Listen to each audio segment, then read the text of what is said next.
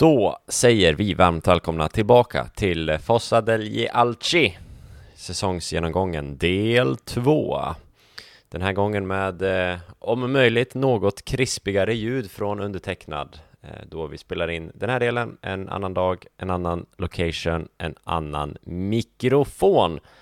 Personligen då, du sitter eh, på din stol i ditt vardagsrum och ser nöjd ut, Andreas det är nästan mer, eh, eller visst det klangar ju av lite glädjen efter, men nu känner jag ändå mer för eh, om man skulle tagit någon gång där jag känner mig mest liksom lite så här alltså minst glad var ju när vi spelade in sist. För det var när Maldini släppte den här, eller Gazettan släppte en intervju med Maldini. I fredags spelade vi in den och då blev jag så ställd av det. Och så, så bara, va, ska vi liksom landa på där? Inte hamna efter förra scudetton och det, varför tar han det här öppet och inte internt och sånt där. Men nu har jag smält det. Eh, och eh, ser mycket mer positivt på tillvaron. Så att, eh, mm, entusiasmen är, är, högre idag. Vi ska såklart prata om den intervjun också när vi kommer in lite på, på ledningen och när vi summerar deras insats på något vis. Vi kommer säkert komma dit i någon form av eh, stickspår så. Eh, Kerim kunde tyvärr inte vara med den här delen. Han har lovat att skicka sina betyg på alla, vi har ju forwardsen kvar och eh, coach, eh, Mister, eh, som vi ska gå igenom. Jag har inte fått betygen än, eh, men de, de förhoppningsvis trillar de in här under tiden. Men vi konstaterade det innan vi tryckte på räck här Andreas, det är ju egentligen inte siffran som är så avgörande i, i helheten. Nej. Kerims siffra då, som han är inte med, men ja. Vi kan nog klara oss ändå. Absolut. Men får jag dem så slänger och vi in. Eh, sen finns det ju några andra saker som jag måste prata om. För att det finns ju andra aspekter utöver spelarbetygen den här säsongen. Så att jag, jag ser mer fram emot den här delen av avsnittet. Måste också Bra, men... eh, sticka in med en sak innan. Som en slags... Eh, eh, ja, vad ska, hur ska man, eh, vad ska man säga? Jag måste förklara mig i mitt omdöme om Magnon. För att jag pratar om honom som att jag ser inte en spelare som... Eh, nu har folk eh, lyssnat på den första delen gissar jag, annars blir det lite konstigt. Men annars är det en spoiler. Men jag pratar ju om att Magnon, det kanske inte finns någon nödvändigtvis målvaktsmässigt bättre och Courtois har gjort det bättre i i Champions League och bevisat sig där. Detta såg jag ju innan Champions League-finalen. Bara för att det ska vara tydligt. nu kanske, nu, eller nu har ju Courtois bevisat sig på en helt annan nivå. Vilket jag sa redan då och det blev bara mer rätt där med Champions League. Men, men det jag menar var hans prestationer tidigare. Då i, och i finalen var det extraordinärt. Så att jag vill bara lägga in den passusen. Ja, det är bra. Vi spelade in det i fredags. fredags. Eh, alltså dagen innan Champions League-finalen. Det är bara undertecknad som inte har klippt och lagt ut än.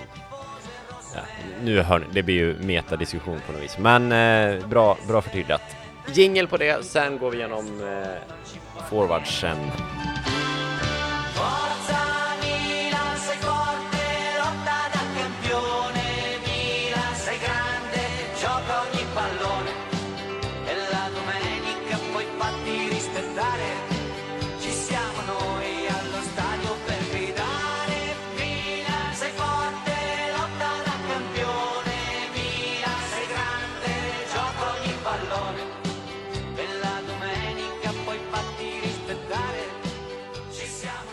Har ni inte lyssnat på eh, föregående avsnittet så går vi alltså igenom målvakterna, backarna och mittfältarna, sätter en betyg på dem och diskuterar såklart vår betygssättning och hur vi ser på respektive spelares säsonger. Så uh, har ni inte hört det föregående avsnittet, lyssna på det. Uh, men uh, nu fullt fokus på dem där framme och där har vi några spännande spelare. Och jag tänkte att vi bara kastar oss in direkt och börjar i nummerordning som i tidigare avsnitt eh, med den anfallare med lägst nummer och det är ju nummer 9. Ett uppsnackat nummer, om vi pratar siffror eh, i Milan de senaste åren. Det har varit en eh, en, vad heter curse? Vad heter det på svenska? Mal maledetazione novi. Alltså, ja. En förbannelse. Som det heter på svenska. Mm.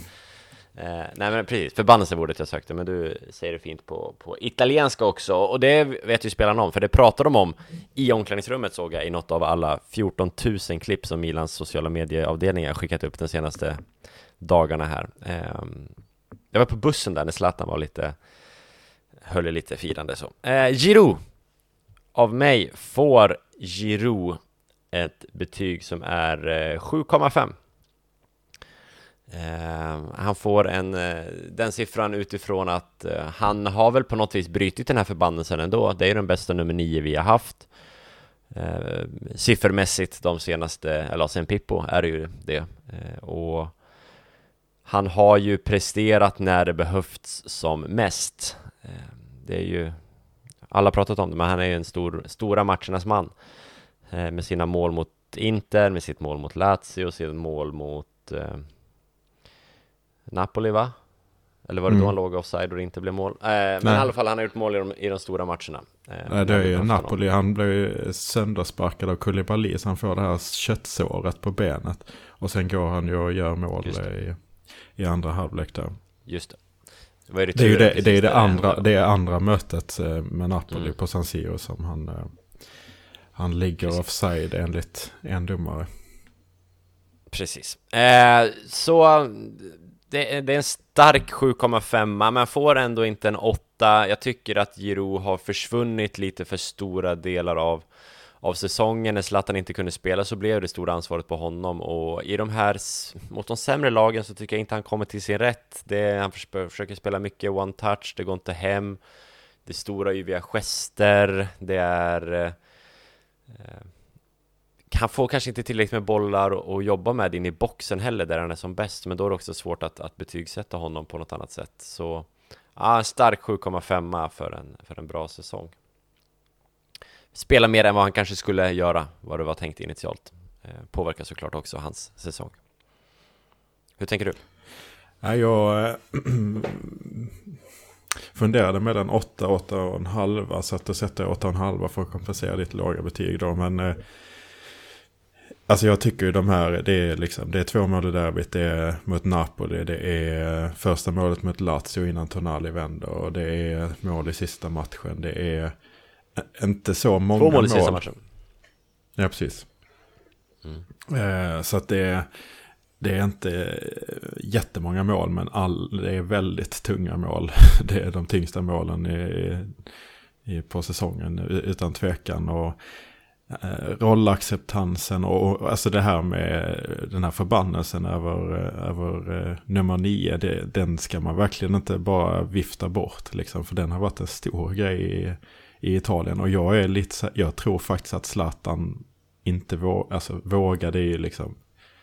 Det blir konstigt att säga kanske men eh, jag tror att Zlatan in, medvetet inte tog nian för att eh, hans värde var så stort som symbol. Och skulle det då gå lite knackigt med de här skadorna och sånt där. Då hade snacket om nian kommit upp och då hade han inte haft alls den här impacten tror jag.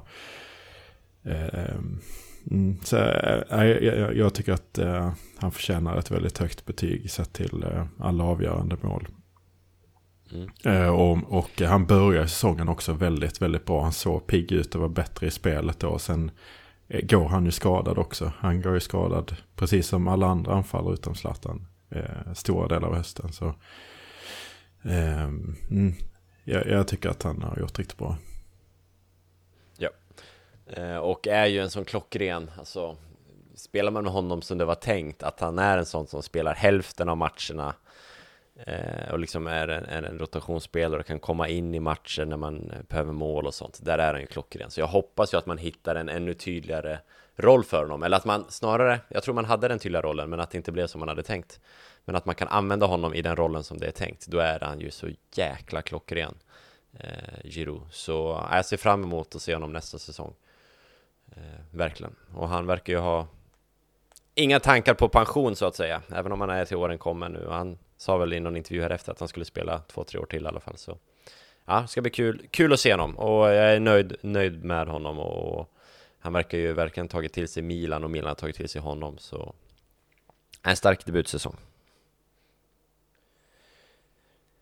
Och då kommer vi till näste man. Eh, nummer 11, inte nummer 9. Zlatan Ibrahimovic. Som ju man såklart hade velat höra Kerim, vad han har att tänka och tycka om, om Zlatans säsong. Men eh, så är inte fallet, får se om vi får betyget som sagt. Men eh, jag började ju nyss, så du kan få börja nu Andreas. Vad, eh, vad tänker du om Zlatans år? Alltså siffran är det svåra, men däremot finns det jättemycket att säga här. Men eh, ja, man sätter väl en eh, skya då. Det är... Eh, mm. Jag, ty jag, tycker det är så svårt i och med att han spelar så lite, men eh, gör det under de förutsättningarna och har den vikten för laget. Däremot så finns det ju eh, eh, eh, väldigt mycket att säga tycker jag om, om honom. Han, eh, jag var ju inte, tillhörde ju inte en av dem som ville att Milan skulle att det skulle stå 0-0 länge och sen att Zlatan skulle hoppa in och göra mål i 88 och avgöra liksom. Däremot så undrar jag honom verkligen att Eh, att, han skulle få göra det där målet som eh, där är offside. Det har jag inget, inget problem med. Men, men ur den aspekten så har det mer att göra med att eh, hans tid är begränsad. Även om eh, det är mycket eh, troligt, eller troligt. Men jag, jag, tror att det är troligare än inte att han förlänger. Men hans tid är begränsad i Milan. Och eh, hans tid att spela 90 minuter finns ju inte längre. Eh, vecka ut och vecka in.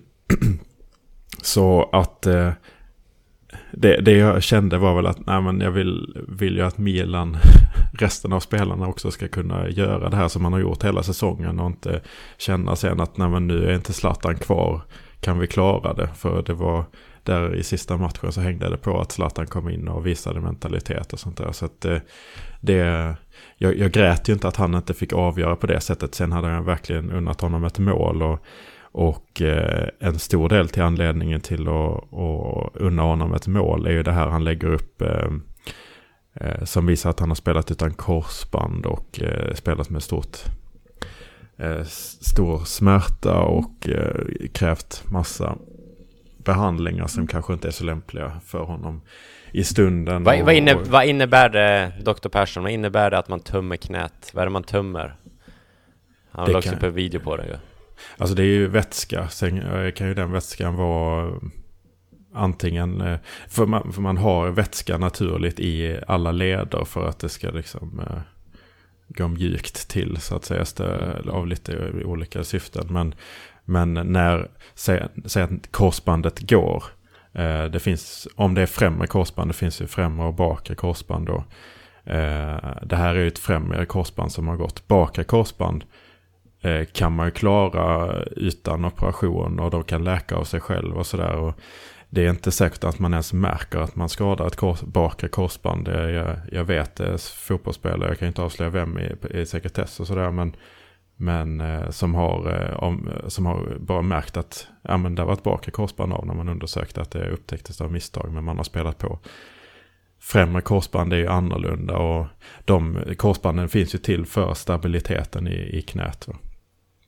När främre korsbandet går av, då blir knät väldigt svullet, men det är ju blod då. Så att det kan ju vara vanlig ledvätska eller blod. Eh, och ledvätskan kan ju vara, det kan ju vara inflammerat och då läcker mer vätska ut från, från blodcirkulationen till knät. Liksom. Så det är då det blir svullet. Ehm, det han och, och, man måste inte operera en främre knäskada heller, ens om man är en eh, idrottare på hög nivå. I svensk sjukvård så sker inte operationer hos de flesta, även idrottare så att säga, utan man går rehab och, och då är det ju liksom musklerna man tränar upp och framförallt är det ju när man gör sån rehab är det ju Eh, det är ju hjärnan man tränar mycket, eh, nervsystemets kopplingar. Så att man ger musklerna möjlighet att stabilisera knät istället för, för, för den här korsbandet då.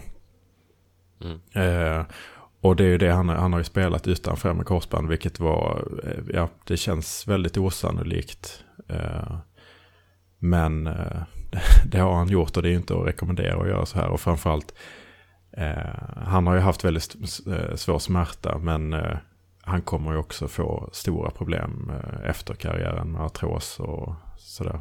Eh, alltså lång... Eh, vet du, smärta, alltså kronisk smärta i knät. Och, och det, det är sånt här, förlåt om jag avbryter, men då varför, varför vill man ens fortsätta? Är det värt det? Jag, jag, jag det vi kommer väl in på det, men, men hans vara eller icke vara i fotbollslivet. Det är någonting i hans skalle som inte kan stämma. Jag förstår inte vad det är han vill uppnå som han känner att han inte har gjort. Eller att han, är det att han inte vet vad han ska göra som gör att han, ja, kanske lutar mot att han ändå fortsätter mm. igen. Ja, alltså det lutar, jag tror att det är mycket rädsla. Det verkar ju så på vad han säger i alla fall, att han är rädd för att sluta eh, också. Mm.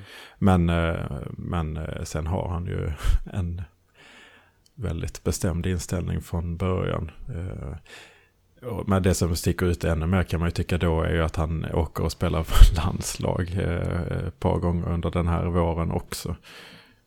Mm. Eh, ja, istället för att ta den veckan och låta knät vila liksom och slippa lite smärta och sådär. Det, mm, ja, det är anmärkningsvärt. Får man ju säga. Ehm, jag kan flika in mitt betyg på Zlatan, jag satt en 6,5 eh, baserat på de sportsliga insatserna. Det är lätt att man tänker det senaste halvåret egentligen och kanske hänger ihop med den här avslitna korsbandet då.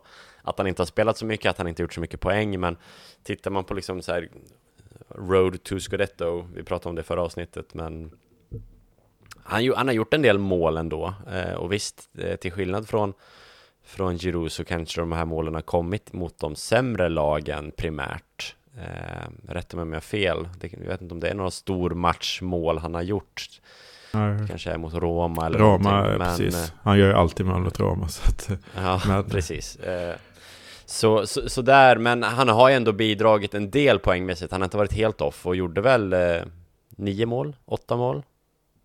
Någonstans där. Eh, så liksom helt värdelöst sportsligt har han ju faktiskt inte varit, framförallt inte under inledningen av säsongen. Så, äh, ja men 6,5. Eh, sen tycker jag att man behöver adressera, och det har inte jag riktigt vägt in i betygssättningen, men det här som snacket som alltid har varit med Zlatans betydelse för gruppen, Zlatans mentalitet som smittat av sig, hela den biten. Det har vi pratat om i den här podden och vi har väl varit lite så här, ja, lite kluvna, han åkt, han åkt på semester när han har varit skadad och varit i Åre när det har vankats derby typ och lite sådana grejer och vilken ledare är man egentligen då i omklädningsrummet, hur viktig kan man vara?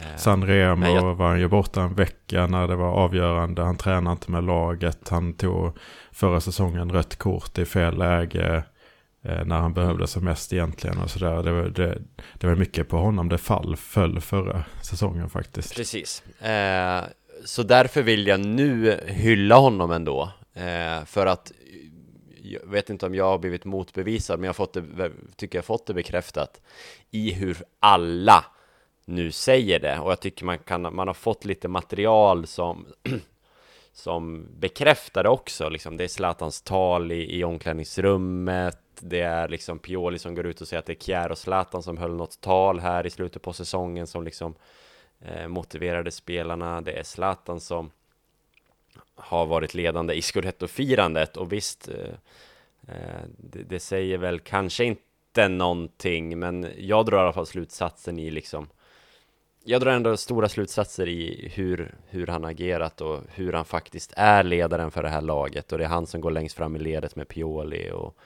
sådana grejer. Eh, Zlatan har en stor jäkla del i den här scudetton med sitt ledarskap. Han kanske lärde sig någonting från fjolåret. Att, att det var vid hans frånvaro som vi tappade det och i år har han varit mer närvarande. Han har offrat sin hälsa för att faktiskt kunna vara med på bänken och spela eller finnas med i alla fall mer. Sen om det är klokt eller inte, men eh, det har ju gynnat Milan så eh, jag vill hylla den biten av Zlatan och den vägs inte riktigt in i betyget så eh, mm. vill jag bara förtydliga. Alltså, och, och, det finns många aspekter tycker jag av detta. För som du säger, han var bra i början av säsongen. Var, när, för det man måste kom, alltså korsbandet har ju gått på honom.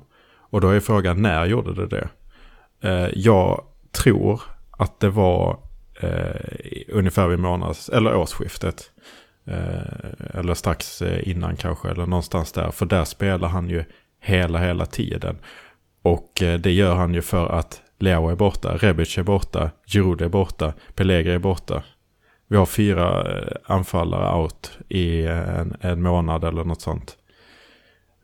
De, de alternerar lite, men där, visst, det, det blir inte många poäng, men Zlatan är också väldigt beroende av alla runt omkring. Alltså han, för, för att prestera bra och han gjorde det ändå helt eh, okej okay där på egen hand eh, på, på de offensiva positionerna. Så att eh, jag skulle ändå vilja invända att jag tror att eh, om han kommer tillbaka nästa säsong så kan han vara bättre än han var nu under våren. Alltså visst, han nickar fram Tonali men Zlatan är ju mycket mer än det. Eh, kan mycket mer än det egentligen. Så att jag tror att om hans knä inte är svullet och han spelar under smärta så... Alltså jag tror han kan bidra mer även på planen. Eh, och att det inte blir som den här katastrofen då förra, alltså i den här säsongen. Eh, att det bara är han som är tillgänglig. Alltså tanken måste ha varit att alternera honom och Giroud och aldrig spela 90 minuter. Och kanske vila, köra en match i veckan typ. Här fick han ju nöta match på match och det var Champions League eh, under den här perioden också. Så att jag tror att han har, han har en höjd till. För, för jag tror att det är där någonstans som som, eh, som korsbandet ryker.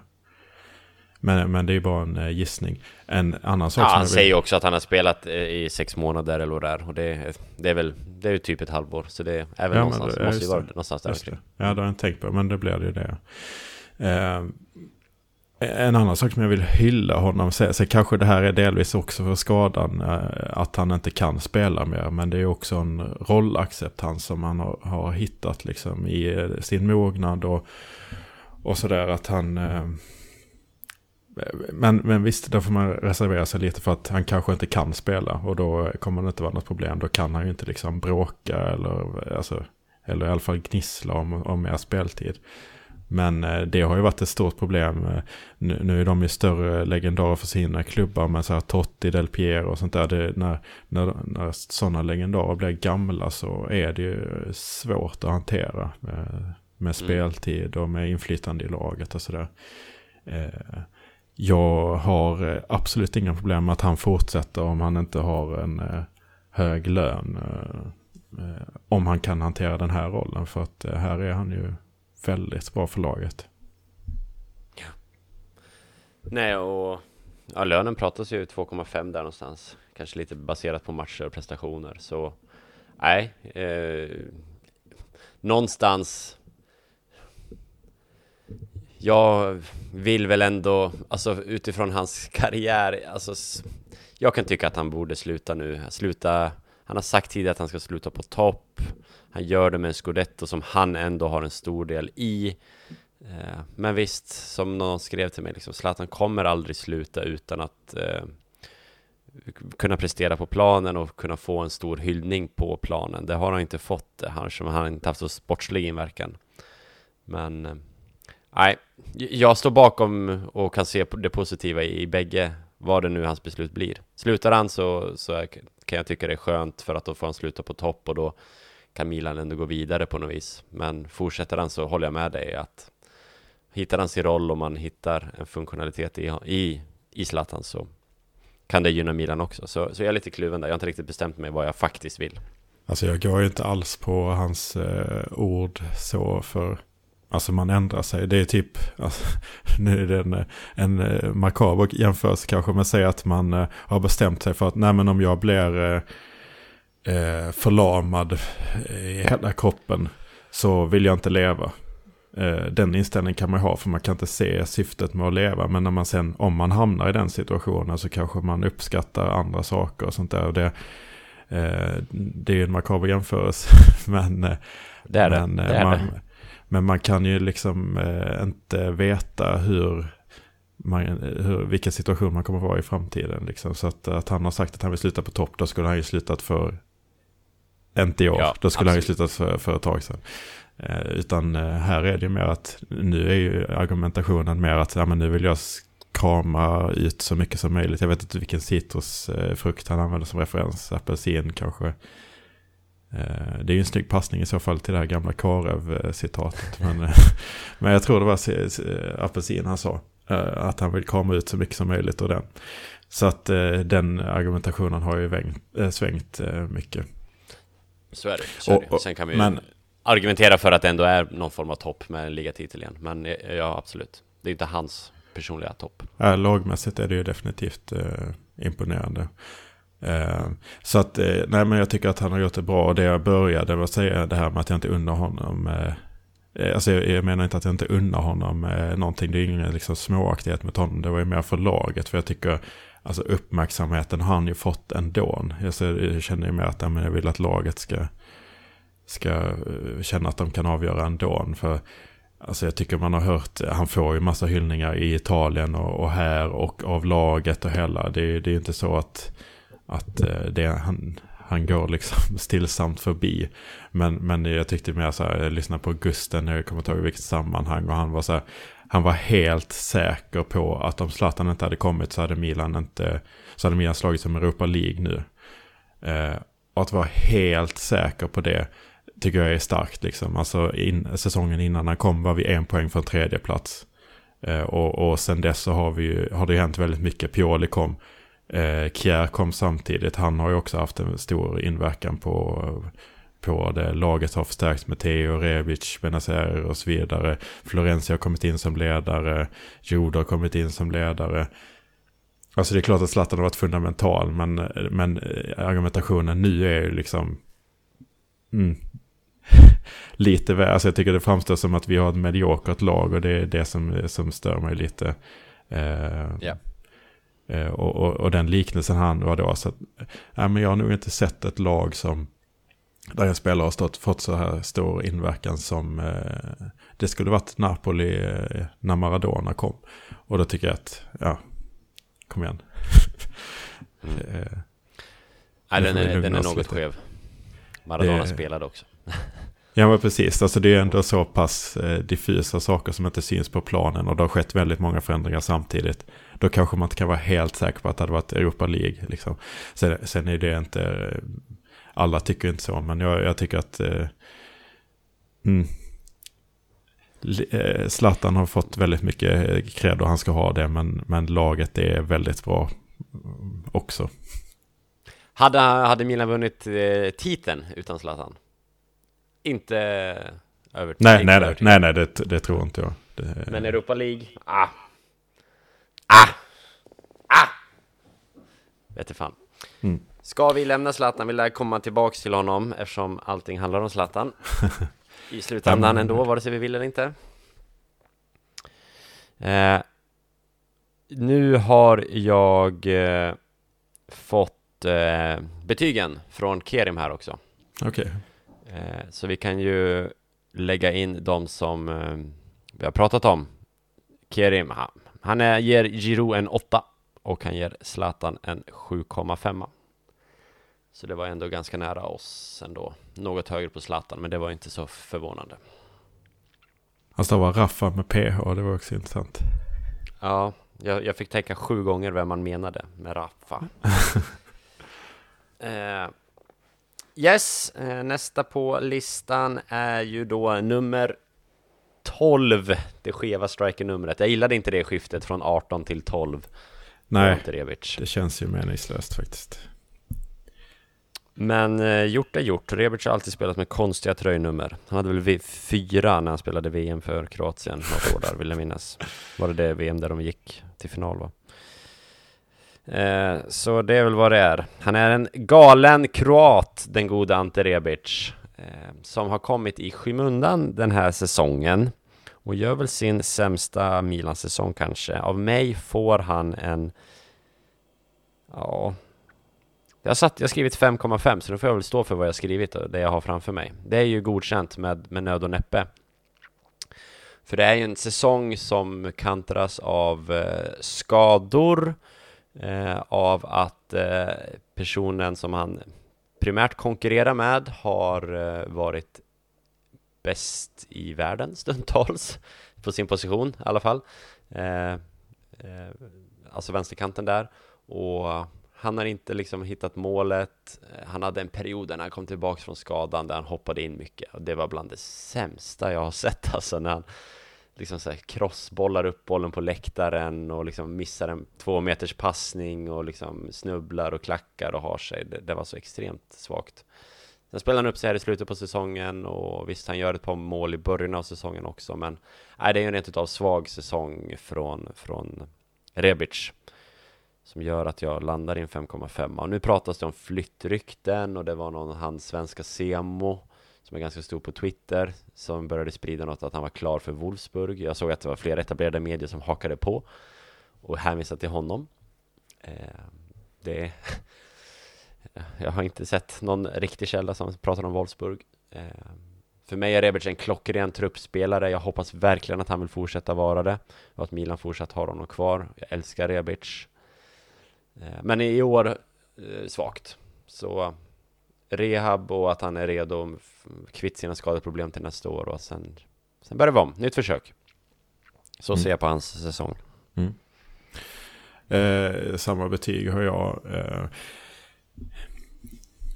Sen, eh, och, och, visst han är inte bra i många inhopp. Sen har han ju ett par avgörande mål han också. Han eh, nickar in det mot Juventus och, och räddar poäng med långskott borta mot Salernitana. Alltså. Apropå Men. att alltid göra mål mot ett visst lag. Ja, just det. Det är, värt att ha kvar honom i truppen bara för att spela honom två gånger per år. Alltså. Men det som jag är, lite för, och det tycker jag att man ska eh, verkligen understryka också. Han gjorde 11 mål för säsongen, han gjorde 11 mål eh, året innan det.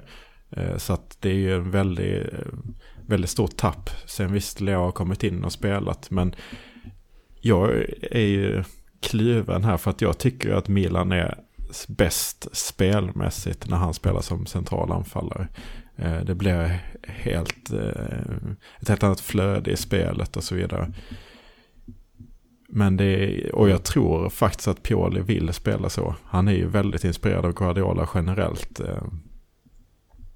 Eh, så även om det kanske var en eh, nödlösning från början när, när Zlatan inte spelar mycket och den biten så eh, tror jag att han egentligen vill spela på det sättet. Men det, är det, som, det som inte går ihop med det är ju att eh, att eh, man värvar helt annorlunda för man plockar in eh, Giroud, man plockar in eh, Pellegri och när det inte funkar plockar man in Lasetic. Det är ju verkligen mm, prima punte. Det, det är ju verkligen tunga anfallare så att det går inte riktigt ihop på det sättet. Men, men eh, på något sätt så tror jag ändå att Pioli vill helst spela och jag tycker att det ser bäst spelmässigt ut. Ja, åtminstone när han spelar som central anfallare.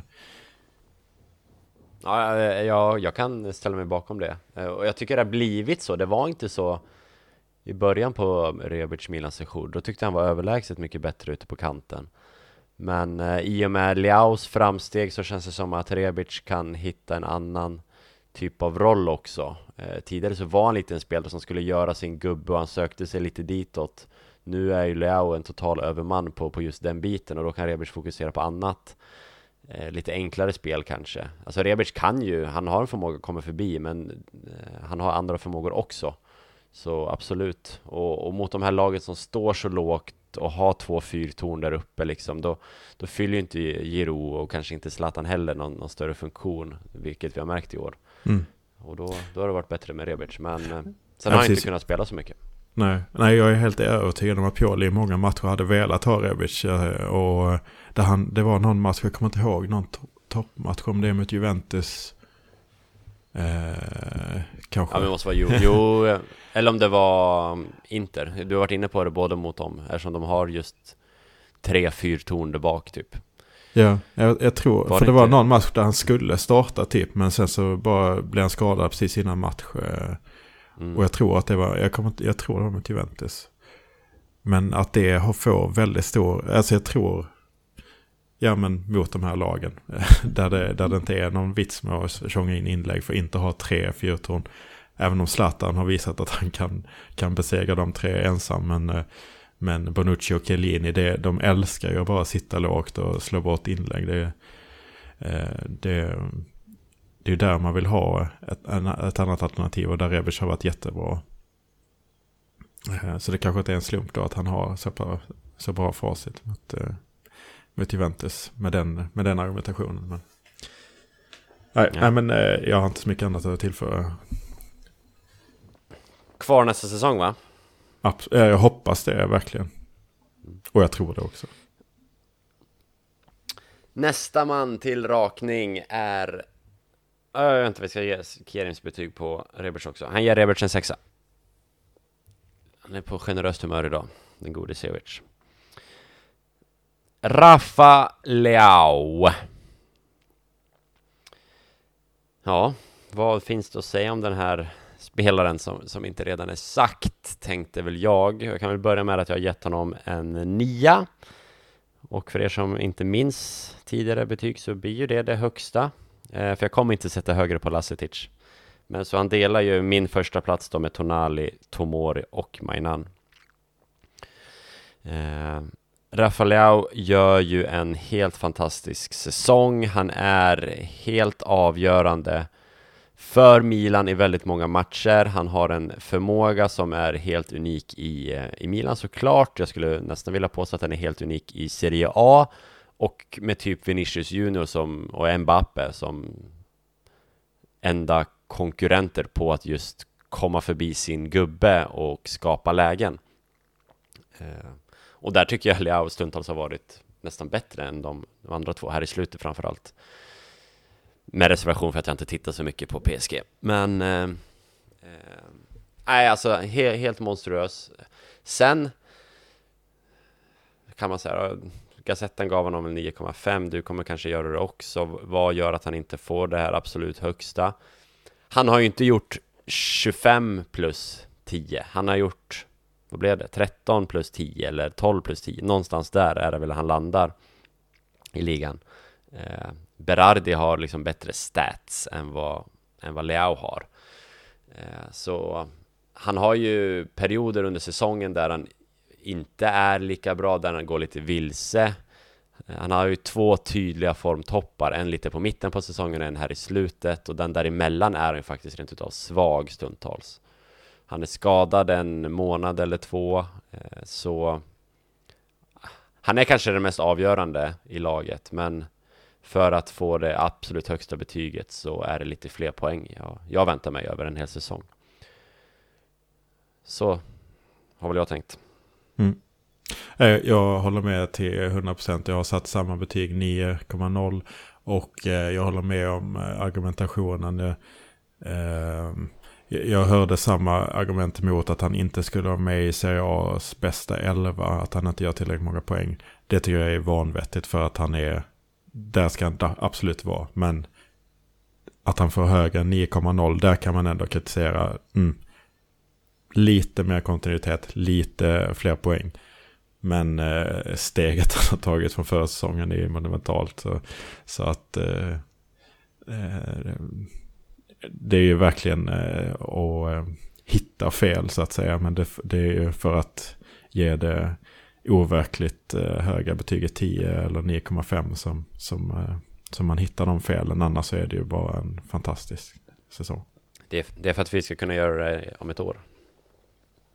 Exakt, ge, om man är kvar. Ge, ge om ett år. Ja, ja vad, vad, det mesta är sagt om hans, om hans säsong och hans förmågor. Men vad tror du om hans framtid? Eh, jag hoppas att han eh, lämnar om han inte kommer förlänga. Eh, så frågan är om man gör det. Det är ju väldigt svårt att spekulera utifrån eh, ägarsituationen. Ja. vad man tillåts ge för lön och sådär. Man hoppas ju att han har tacksamhet för det som Milan har gjort för honom eh, sportsligt och juridiskt. Mm. Men... Skrolla tillbaka några avsnitt om ni har missat den juridiska härvan med Lill och fansen och hela den biten. Eller Sporting och, och var det ju. Ja, det är Sporting har problem med. Precis. precis. Men det blev eh, problem för Lill. exakt, exakt. Så, uh, nej. Det, är, jag, det grämer mig och det kryper i min kropp när man vet hur nära det faktiskt var att han satte pennan på pappret i, kring jul eller så. Eh, alla rapporter sa ju att Milan och Leao var överens om att det bara var formaliteter och att han skulle skriva på. Men så kom det aldrig. Eh, och det så här efter, efter det så har han exploderat ännu mer. Så där kunde man ju bundit honom och då pratades det om en lön på 4 miljoner euro per år. Det lär det inte bli om man förlänger nu, det lär ju bli högre. Så det var synd. Men eh, jag håller med dig annars om hans framtid. Ifall han inte vill förlänga så är det nog läge att casha nu när exempelvis Real Madrid inte fick sin Mbappe. Eh, tycker i och för sig skevt eftersom man har Vinicius där, men de vill väl ha en profilvärvning. Jag hörde att, läste idag att City var efter honom också, så de stora drakarna är på jakt, så det finns väl alla möjligheter att casha honom. Stort, högt, mycket. Nu. Ja, det viktigaste är att man måste stänga den här kranen som är att eh, spelare lämnar gratis. Det går inte liksom. Nej. Eh, så, mm. Ja, eh, men det har varit en fröjd att titta på honom, eh, leendet. Eh, tankarna har ju gått till Ronaldinho och sen eh, de faktiska tårarna eh, under Scudetto-firandet. Han hade väl familjen på plats och då verkar det som att verkligheten kom ikapp honom på något vis, att han insåg vad han faktiskt har åstadkommit. Så han har visat en sida som är, eh, som är härlig tycker jag. Så får han fortsätta, kan vi behålla honom i Milan med en förlängning så, så har vi, vi, har, vi har en sån jävla spelare. Han kommer vara en världsspelare de kommande tio åren. Så, nej, vilken spelare. Vilken spelare. Eh, sista strikern, jag har inte betygsatt de som har lämnat, men du var inne på Pellegri och ersattes av Lasetic. Lasetic får ett streck av mig. Det är inte ens värt att ens prata om, om någon efter Leao här. Nej, Sentsa var åter på båda tycker jag. Ja. Eh, Kerim ger Leao en nia och Lasetic ett streck också. Mm. Jag vet inte varför vi värvade honom, om jag ska vara ärlig. Han har inte spelat så mycket med Primaveran och han har inte spelat någonting med A-laget. Varför ska vi ha en sån på bänken? Nej, det finns ett gäng sådana värvningar som man eh, kliar sig på huvudet lite över. Ja. Ska vi då... Det var alla anfallare va? Du har inte kvar någon spelare på listan? Eller? Eh, nej, jag har ju min lista i huvudet men eh, det kan ju inte varit någon vi har missat. Det ska det inte vara. Så eh, då har vi bara en siffra kvar att, att sätta betyg, eller en spelare, pe, nej, då har vi bara en person att sätta betyg på och det är ju Stefano Pioli som fire.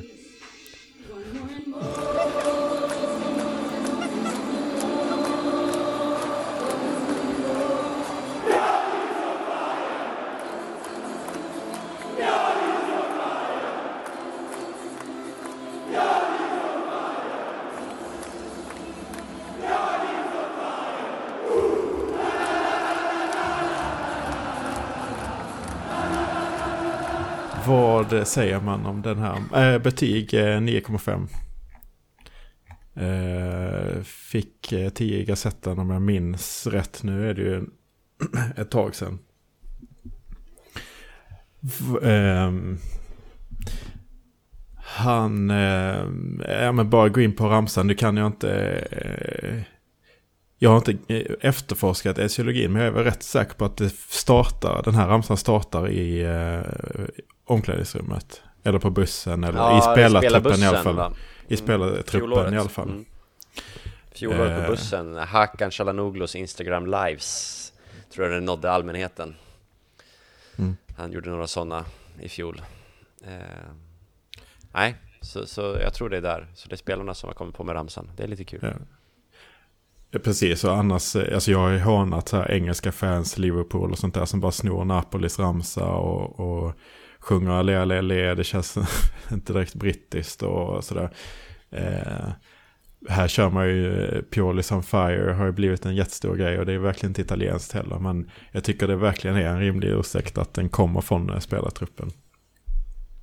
Och det är ju ett tecken på att eh, det är ju ingen tränare som har tappat omklädningsrummet direkt.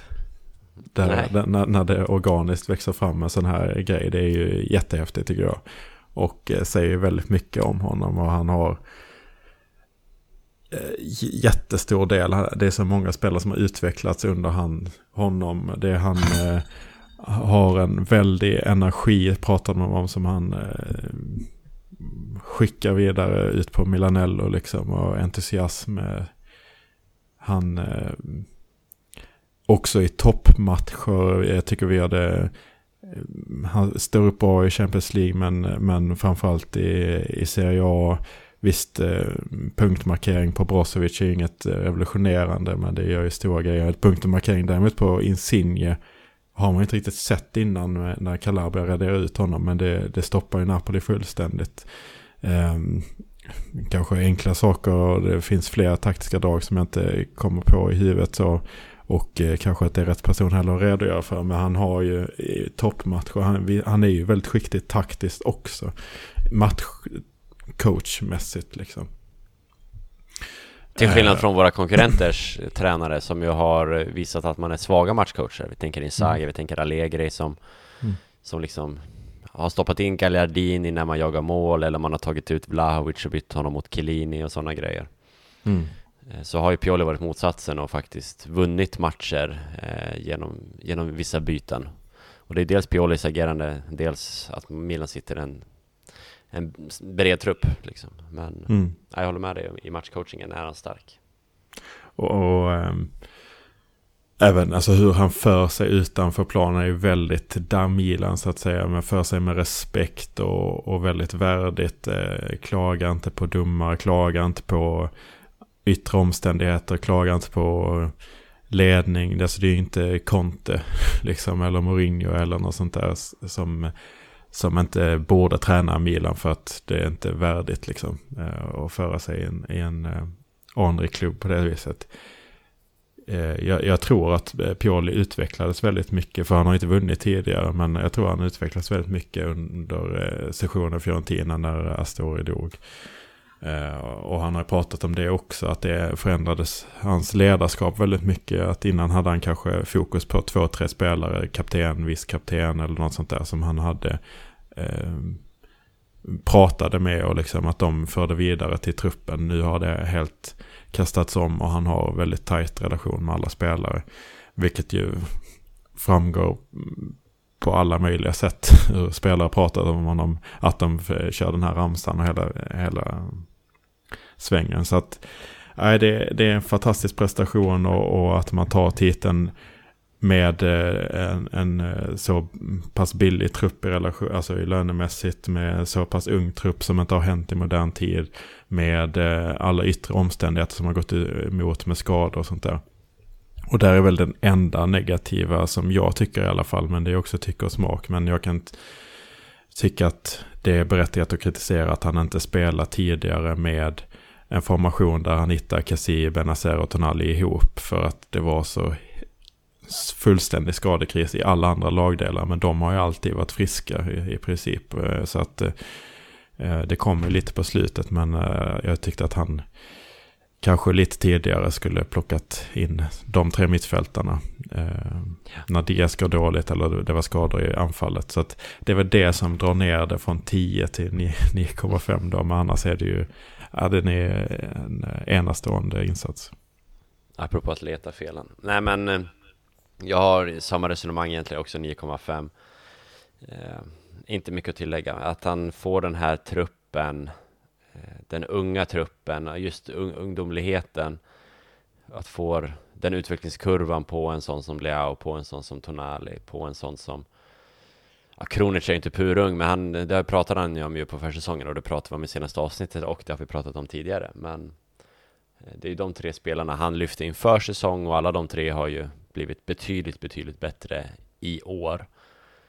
Eh, så dels förmågan att, att utveckla unika spelare men också förmågan att, att få ihop helheten. Man pratar mycket om Ancelottis förmåga att få ihop omklädningsrummet och han säger inte så mycket på bänken, han lyfter ett ögonbryn och sen vinner Real Madrid men Pioli är ju, han gör ju samma sak. Alltså det är inte den, den stora, eh, han är lite yvigare och lite mer gestikulerande än vad Ancelotti är men just den omklädningsrumsbiten har de ju en extrem likhet i vad det verkar. Och kanske ännu lite närmare spelarna än vad Ancelotti är, tycks vara. Så nej, det, det ska bli intressant att se om eller förhoppningsvis inte när, men om det sker att han liksom går i clinch med någon. Jag, tänk, jag tänker på, eh, kolla på, liksom på listan med alla spelare. Det, kom, det finns ju noll rapporter, rätta mig om jag har fel, men att han liksom har, att han inte går ihop med någon. Det är ju alla, han går ihop med alla. Och det är ju sällan någon tränare gör det. Det är ingen som liksom har liksom frysts ut eller inte fått spela eller varit ute i media och klagat, utan alla liksom är ju nöjda. Och det är unikt. Mm. Nej, det är väl också. Och, en, sån som, eh, typ, en sån som typ Castillejo. Eh, vi pratade, mm. varför fick inte han spela nu när Selemakers och Messias faktiskt har varit ganska dåliga stundtals? Eh, det kan man ju ifrågasätta, men eh, Casiejo själv verkar ju inte ha gått, alltså han har inte gått ut och i alla fall offentligt liksom pratat ner Pioli. Han har sagt att det var tråkigt att jag inte fått spela mer, men jag har accepterat min roll och varit mer en pådrivare.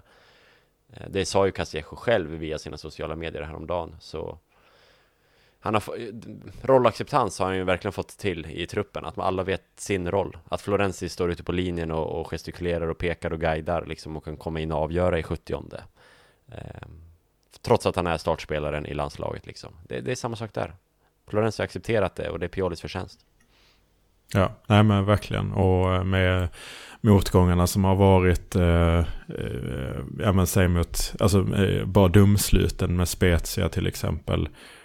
Efter det så förlorar inte Milan en match. Eh, det hade också kunnat vara någonting som verkligen går emot om laget eh, fokuserar fel, hittar alibi så som Maldini pratar eh, och sådär. Men eh, verkligen, eh, jag vet inte vad, om man ska tillskriva äldre spelare i truppen det här också kanske, men verkligen fokusera på rätt saker. Han gör ju det verkligen med exempel när han inte pratar om det i media i princip väldigt begränsat om man jämför med, med en sån som Mourinho till exempel.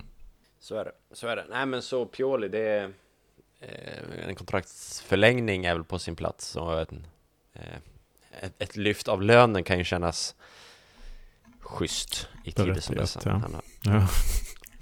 han ja, har ju rätt han har väl, vad det, femte högsta lönen i ligan eller något sånt bland tränarna.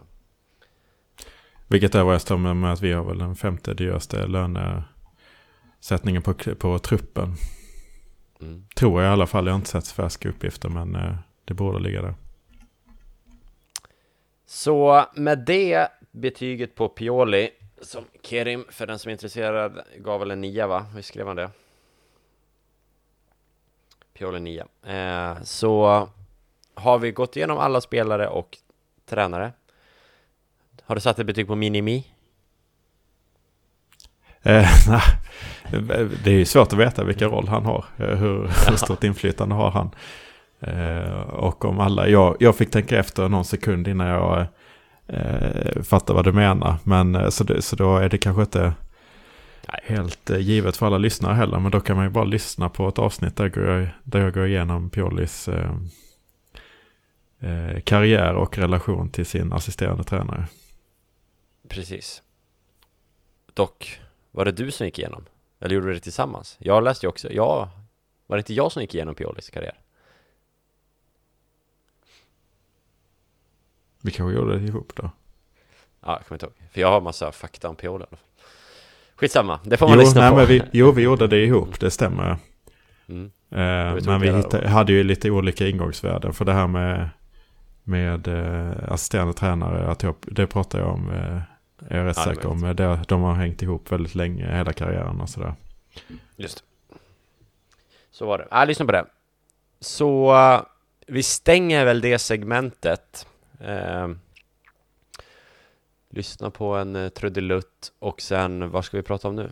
Var ska vi gå in? Ja, men, eh, jag har lite så snabba punkter men, men också vill jag prata om ledningen. Eh, ja. Jag har inget betyg till dem, men de är ju värda att eh, diskutera. Mm. Men för att på något vis eh, krydda upp och eh, vänta in ledningen. Ska vi ta de snabba punkterna först? Ja. Eh, innan vi glider över mot eh, det bredare snacket om ledningen. Ehm.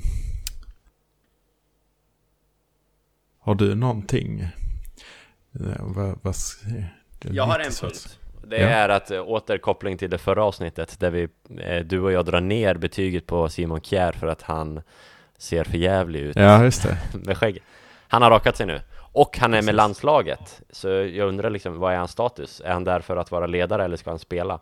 Lite oroad där är jag, men det får vi väl se det är tråkigt om de stoppar in honom i någon betydelselös Nations League-match och han inte är redo. Men visst, han är väl klok, så ska han spela så är han väl redo igen.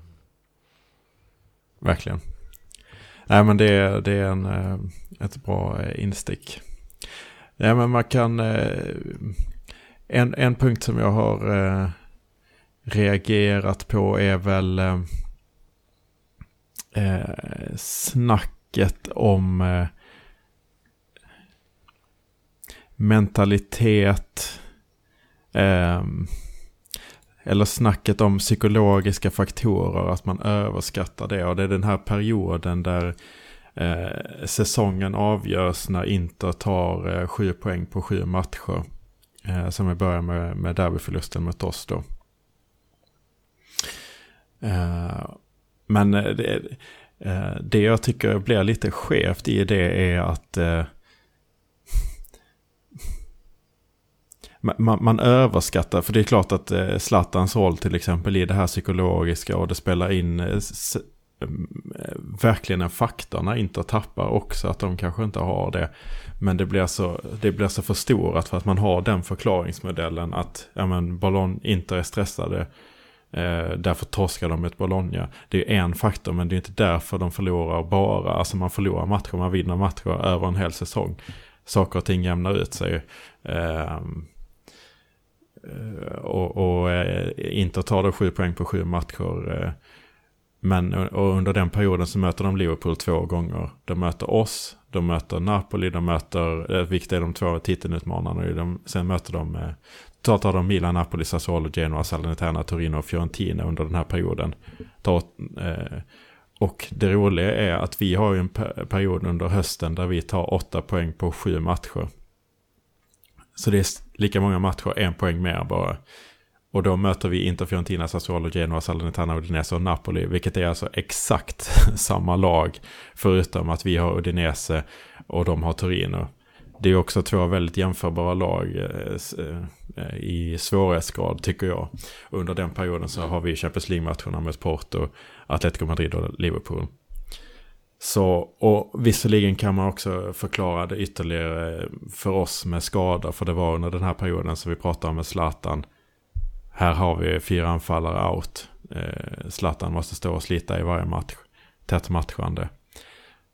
Men det är ju så här det är med spelschema. Det är så här det är med varians och så vidare. Man, man vinner inte alla matcher. Saker och ting går emot, saker och ting går med. Och tätt matchande gör att man tappar poäng. Mm. Eh, vi har två identiska perioder liksom. Så varför att, att Inters eh, pratas om i så himla stor utsträckning är ju för att den sker eh, under våren och då är det lite, då får man ju mer tydligare bild av det liksom. Men eh, vi, vi har ju i princip identiska eh, sessioner här. Är det egentligen det spaningen säger, att eh, alla poäng räknas lika mycket oavsett när på säsongen de sker? Det är någonstans det du faktiskt säger, men som är, det är så banalt, men det är ju värt att påminna om. För att som du säger så är det så lätt att man tänker på det som sker precis i slutet, det är det man har med sig och det är det som kanske nästan, det kommer ju skrivas i historieböckerna att ja, men Inter och Rado snubblade in en boll och helt plötsligt vann Milan. Eh, mm. Men visst, det är ju, vad är det, 36 matcher, så Mm. Och självklart så är det en faktor som spelar in och att Milan är mentalt starkare eller eh, har, eh, är bättre, har bättre inställning bidrar till att man vinner på slutet. Men det är bara en faktor. Det är inte det som förklarar allting. Eh, hade Rados slarvat eh, på hösten, alltså det hade ju lika bra kunnat hända det liksom. Så att, eh, det är väl en grej som jag har reagerat på. Sen tycker jag man kan prata lite om eh, varför eh, den här skudetten är så himla nice. alltså det, det, det är ju så eh, himla stora känsloyttringar som man inte har sett på lång tid tycker jag. Eh, och eh, det är ju häftigt. Det, visst, det var 11 år sedan sist, men... Eh, men det, det finns ju många grejer som gör att det här laget är väldigt lätt att tycka om. Eh, I och för sig så går det ju in mycket i det vi har pratat om med att, men att man är en enhet och det är så mycket glädje. Eh, närheten till fansen. Eh, Maldini är där som klubbikon. Eh, alltså spelarna brinner, kämpar för tröjan. Alltså har en hängivenhet till varandra när någon tappar boll. Att alla, man täcker upp för varandra. och... Mm, och alla motgångar, det kanske också spelar in. Men det, det är liksom, ja men Tonali går ner i lön för att kunna stanna. Florenzi gör också det. Eh, Kjär har haft det som dröm. Mangan har haft det här som dröm liksom. Eh, för, för alltså det, det är ju jättehäftigt det som sker. Och eh, alltså att Milan är på eh, Mapei med, med 20 000 liksom. Och att det är, det är fullsatt på fullsatt eh, på San Siro och sånt där. Det är ju eh, jättehäftigt. Mm, verkligen. Ja, verkligen. Sen är väl det, alltså i, nu var det så pass länge sedan Milan vann, så man minns ju inte de här detaljerna, men det är väl ofta en, ett, någonting som kommer med framgångarna på, på, på ja, de här sista med, liksom med bortafölje och med tryck på San Siro och, och så. Eh, men bara för att åter förstärka det så har ju tycka vad man vill av kurvan, kurva, ultras eh, världen. Det finns mycket skit i det, men Milans eh, kurva med det var det positiva i det, liksom i, i stöttning, positiv stöttning till laget, i tifon, i liksom att lyfta enskilda individer. Tidigare så har man ju varit med och delvis brutit ner en sån som Donnarumma eller Eh, Eh, utifrån hur han har betett sig så på något vis är det väl väl förtjänt men i år så har man ju verkligen backat alla. Eh, det var en period där man buade ut Kessie som försvann också när Kessie faktiskt presterade tillsammans med laget. Jag såg idag eh, så jag följer ju vad jag tror är det officiella Kurva Sud eh, Instagramkontot där man om en kort men lägger upp en bild och skriver liksom med en av ledarna och Kessie tillsammans och skriver grazie bara. Så man eh, har ändå någon form av respekt och man har stöttat snarare än att eh, tryckt ner. Eh, och det var ju någon intervju här vem var det då? Sånt här ska man ju förbereda David, men som pratade om eh, tyngden i att spela i Milan och Milans unga trupp Eh, att, att ta på sig den rödsvarta tröjan, sjuan med Champions League på, på armen och sen en fullsatt San Siro på det att, det, att man inte klarar av det. Men att, att man i år har visat att en ung trupp faktiskt kan klara av det och där har ju kurvan varit betydelsefull i hur man har betett sig och funnits på Milanello under pandemin och sådana grejer. Jag tror pandemin har stärkt bandet ja. mellan Milans fans och Milan. Eh, som ja. kanske och det inte blir, på samma sätt i andra klubbar. Nej, och det bidrar ju såklart också. Det är en viktig faktor till entusiasmen att man har saknat såklart att gå på matcher eh, under pandemin. Så det är såklart. Men eh, absolut, och jag tycker att det är en rätt så smart eh, fanskara egentligen. Kurvasud eh, i, eh, i, i alla fall i, om man eh, pratar om bara stödet till laget. Visst, du har de, de, de, de grejerna du pratar om. Jag tycker ändå att det är är förtjänt om man går, alltså, eh, och, och även med eh, Kessie, med, just med tanke på hans uttalande, eh, att han lovade att förlänga i mm. princip, då, då förtjänar man skit tycker jag. Men att man har valt att stötta, och det har man ju gjort under en lång tid, sett till att vi ändå är en storklubb så har man haft tålamod och en tro på ett projekt och så vidare, att det inte har varit så. Och men alltså man har ju inte haft eh, blint förtroende alltid utan man har genomskådat klubbledningen om man kollar historiskt och, och rutit till när det har behövts. Eh, minns liksom Game Over, Insert Coin and Save Ace, Ace, eh, Milan. Eh, mm.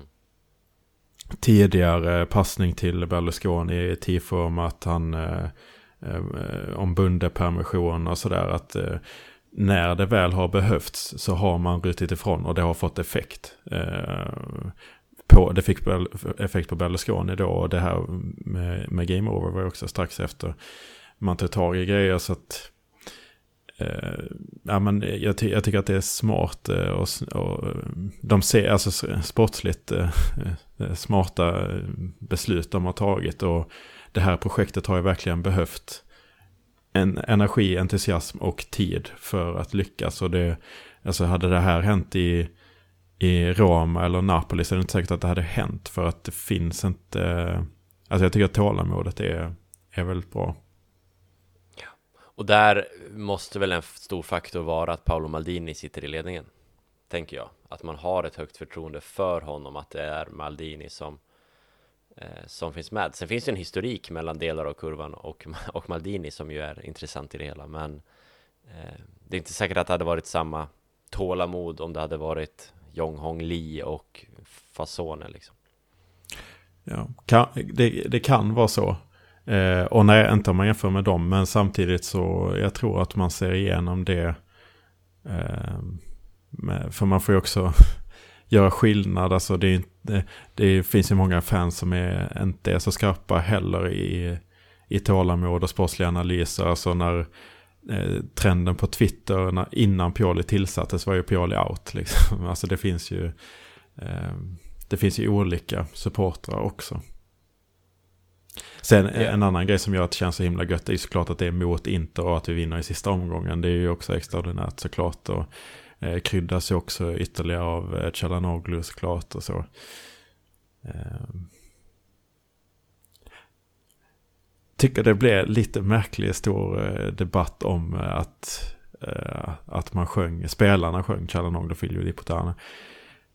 Ehm, jag, jag, ser ju det här med att det är uppvigling, fine, men samtidigt så är det ju ändå ett spel liksom. Och, och om det inte går till dödshot eller sociala medier eller rasism och sådana grejer som går över gränsen så ha, alltså Chalanoglu har ju också spelat på det här. Alltså med att ta straff i derbyt, fira, eh, säga hans, saker han sa om Milan och sånt där. Han har ju spelat på eh, rivaliteten ja, ja, också. Så att eh, då får man ju tåla. Filio di Putana, alltså det är också... Det sjunger alla om alla. Alltså om det är någon som bara maskar typ eller beter sig osportsligt och kör ju hela arenan det om man spelar. Det är ju inte det är ju verkligen ingen extrem ramsa i, i ett sånt perspektiv. Sen kanske man kan kritisera Zlatan för att det, han kanske inte ska säga någonting om, att, om lojalitet. Men, eh, men det är ju Han sa sak. ingenting, han, han bad ju fansen eh, ja, säga det. någonting. Så det är väl inte ens så många Milan-spelare som, som, det var inte de som tog initiativet så att säga. Även om man, ja, Skitsamma, mm. jag tycker inte det har blivit, den, den, eventuella diskussionen har undgått mig. Jag tycker inte att det har blivit någon stor grej så, det har jag missat i så fall.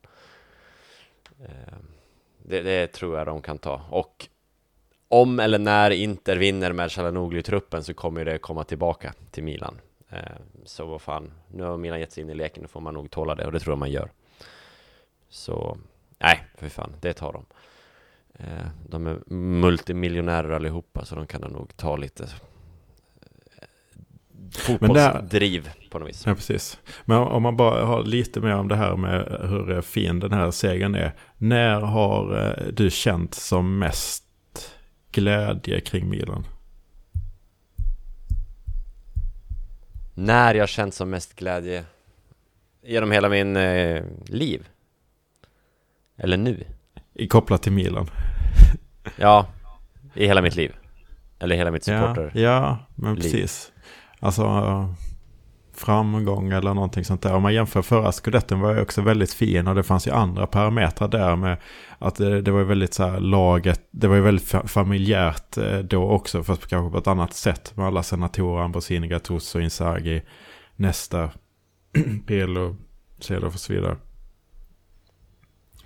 Eh, men det är ändå inte riktigt samma sak.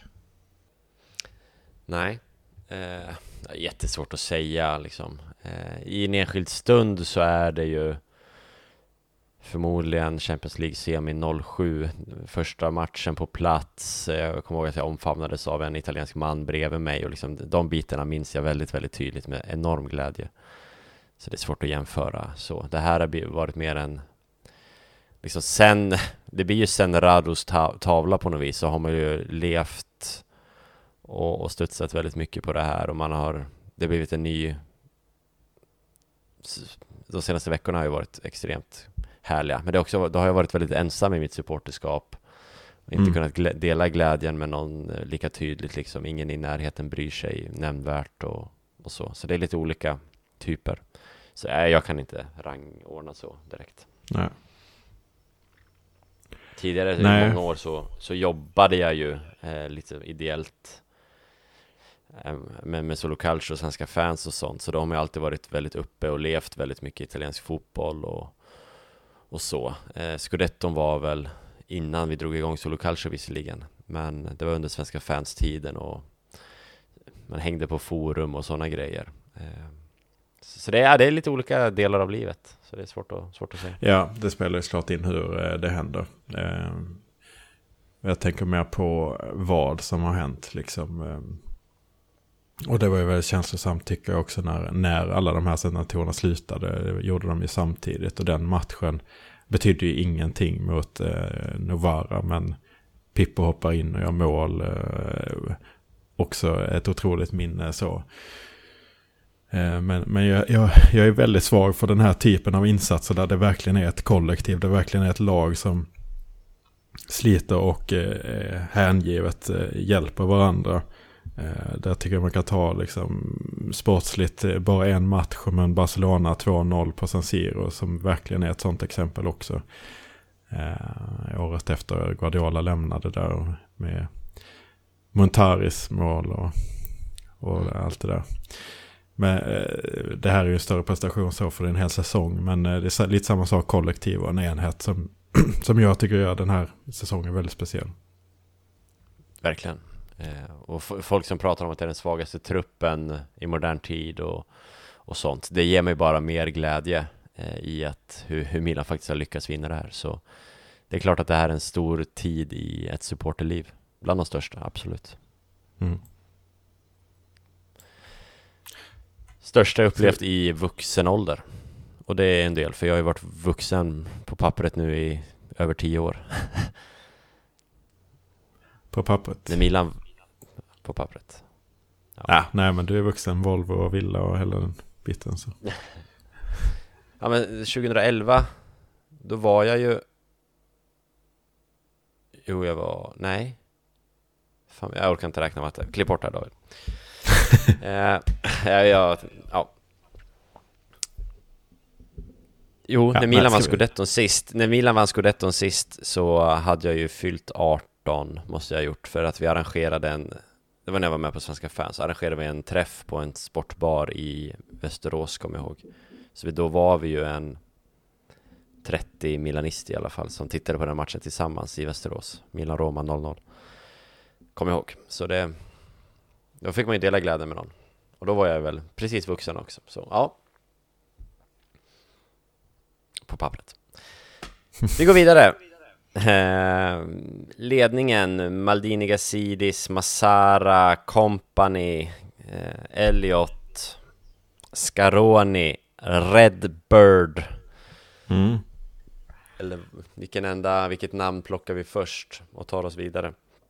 Eh, du kanske har något jätteintressant att säga om eh, Redbird. Eh, jag mm, prioriterar ner det lite för att det finns mycket annat att prata om. Det kommer Nej, jag har, inget, jag har inget jag har inget direkt att säga om Redbird. Vi hade ett, inte det senaste avsnittet, men avsnittet innan det så pratade vi väl mer eller mindre som att det var klart att den här Bahrain Investcorp, eh, riksskurkarna, att det var klart. Det verkar inte vara så klart. Nu känns ju Redbird närmare och jag vill bara lyfta det faktumet att de, eller han ledande gubben, vad nu heter, var med på, då, på torget vid Domon och, och firade. Eh, det var väl Corriere della Sera som hade någon bild på det, så det var det känns ju bättre i magen än Bahrain Investcorp spontant. Eh, utan att mm. jag har mm. gjort några större efterforskningar. Men mm. vi får anledning att återkomma till det. Var vill du börja? Nej men verkligen, det, det var bara kort kan säga att det känns ju helt rätt sportsligt med den här skiftningen. För att vi, vi har verkligen fått maximalt positivt ut av Elliot som har fått oss på skutan igen. Och sen så vill de inte riktigt lika mycket som den sportsliga ledningen satsa och då plockar de in någon som kanske vill satsa ännu mer. Så det känns ju klockrent om det kan göras snyggt. Ehm, men eh, vad ska man prata annars? Alltså det stora är ju Ja, visst, Moncada gör det jättebra som eh, scout. Men, eh, men det är ju Maldini och Massara som man får prata om eh, primärt tycker jag. Eh, och det här är ju jätteintressant. Eh, eh, vi har ju den här intervjun med Maldini till exempel. där jag bara tyckte det var ironiskt och roligt att han klagade på att han inte hade fått förlängt när han har haft lite problem med att förlänga grejer. Men ja, så, såklart så hade han ju rätt i den kritiken. Alltså hans kontrakt löper ut eh, nu på sommaren och det är klart att eh, de ska ha en dialog. Eh. Inte nu på sommaren utan nästa sommar. Fast är det så? För jag, jag skrev det på Twitter och fick, eh, eh fick eh, bassning på det. Sa han inte att det går ut 2023? Jag trodde det. Men eh, du kan eh, kolla upp det i realtid. Så här, alltså, om man bara snackar om förlängningen, det har jag egentligen velat prata om i, i några avsnitt, men så har vi inte haft tid. Eh, jag kan säga så här, jag är inte förvånad att jag vill att eh, de ska förlänga liksom. Eh, jag har ju varit kritisk till det tidigare och, och, att de borde ha samlat på sig erfarenhet sådär eh, Eh, och kunskap innan. Men nu har de ju fått det. Eh, och, eh, och, och om man ska säga så här. Om det, är den här, om det bara är den här korta tiden som det tog för dem att, att vinna, ta erfarenheten, göra sina misstag som har varit rätt så många och betydande, som har bromsat oss, alltså Gianpaolo och man kan ju argumentera för att ja, många av de här grejerna är flyt. Eh, Pioli var andra val, eh, Max andra val efter eh, Spalletti. Eh, Spalletti. Eh, så jag tycker det, det, är svårt att uttala sig om så här. För självklart så kan vi inte lika mycket som de här. Och det kan lätt bli en sån grej som, jag menar, nu när jag kollar på ekonomin så bara tänker man hur mycket pengar har pumpats in under pandemin. Det måste ju bli en gigantisk inflation. Men så är ekonomer skeptiska. Men så, så blir det inflation. Det måste inte betyda att jag eh, eh, hade rätt i min analys. De vet ju mer. För att de är pålästa och sådär. Jag, jag säger bara en väldigt liten del. Men det blir ju lätt då att man faller in i det att nej, men jag hade ju rätt. Eh, och det är ju lite så som jag tycker, eh, den känslan jag har haft eh, i och med att jag har kritiserat massa grejer på förhand och så har det gått åt helvete gång på gång på gång med den här ledningen. Med, med när man ser Gianpaolo tillträda och så ser man en spelartrupp som inte alls matchar den när man bara tänker nu gör ni det misstaget som inte gjorde med Gasperini, exakt samma sak och det går åt helvete direkt. Ni har inget alternativ till Zlatan och så vidare och så vidare. Det, det, det är det, därför jag hela tiden sa att men det här har jag ju sagt. Det är för att eh, det är en helt annan grej om man har sagt det innan tycker jag. Liksom. Men, mm. men, eh, men med det sagt, om det bara har tagit de här säsongerna för dem att göra sina misstag för att lära sig. Eh, så är det ju jättebra. för det har gått väldigt snabbt. Och sen har jag ju definitivt underskattat eh, Massara. Det är en väldigt intressant snubbe. Men det var ju väldigt svårt att veta, uppfattade jag det som. Och då kanske jag inte skulle uttala mig så, så starkt som jag gjorde. Men eh, det går ju inte att veta, för han har inte varit på egna ben. Det hade inte, vi har sett det på, med flera liksom, eh, tidigare som, som har gått bredvid Marotta, Paratici, men som jag tycker då inte har presterat sen. Eh, kanske han gör det i och för sig nu i Tottenham, men, men det är stickspår. Vi har sett det flera gånger att bara för att man har gått bredvid någon så är det inget, inget facit. Och bara för att eh, Massar har gått bredvid eh, Sabatini så betyder inte det, som är en av de vassaste, så betyder inte det att han eh, automatiskt är, är fantastisk. Men, det, men, men Massara har ju verkligen eh, överbevisat tycker jag. Och eh, det, jag, jag, läste eh, en Milan-journalist som heter Mariani som, som eh, eh, säger att han känner Sabatini väldigt väl. Och Sabatini har sagt att eh, Massara, han är bäst av allihopa. Och det eh, gör jag väldigt mycket av, den informationen. Eh, så att... Eh, men det som är så intressant med Massara är ju att han är så oerhört timid och eh, säger verkligen ingenting. Han är tyst. Alltså, han är blyg liksom. Och när han har intervjuer så säger han i princip, man säger aldrig uttalande från honom i princip. Och när man väl gör det så säger han bara självklarheter, korta svar. Grejer som väcker noll uppståndelse liksom. Mm. Vilket gör att det blir en sån perfekt kombination med Maldini som, jag säger inte att han brinner för uppmärksamhet på något sätt, men han eh, hanterar det på ett helt annat sätt och att ha honom som symbol utåt för Milan blir ju också perfekt. Eh, så att det har ju verkligen eh, fallit eh, eh, jättebra ut. Eh, där han kan liksom sprida eh, Milans värden och alltså som supporter är det bara fantastiskt att se då. Se Maldini finnas där och fira titlarna liksom. Han hoppar ju runt som ett barn. Mm. det är så himla roligt när alla andra firar med så här skrika typ. Det, det blir ju typ lite ilsk, ilska, glädje i kombination när man bara skriker så. Det är ju så typ man ser vuxna människor, det är så jag firar. Men, men Maldini bara hoppar och skuttar omkring som ett barn. Det ser, det ser himla gulligt ut. Eh, så ni, ska, att, ni ska se det att Andreas här i, i samtalet eh, imiterar också när Maldini hoppar och studsar omkring. nej, nej, absolut. Eh, så, så Sen, sen har jag ju velat att de ska fortsätta också för att det är viktigt med kontinuitet och hela den biten. Och frågan är vilka alternativ finns. Alltså det är ju... Eh, eh, är Pioli världens bästa tränare? Mm, kanske en, det eller det han ju inte men, men för oss är han ju jättebra och vem ska man ersätta som finns bättre tillgängligt och sånt där? Det finns ju inte. Det som gör det här så intressant är ju att det finns ett jättenamn som är ledigt nu. Som är Sartori.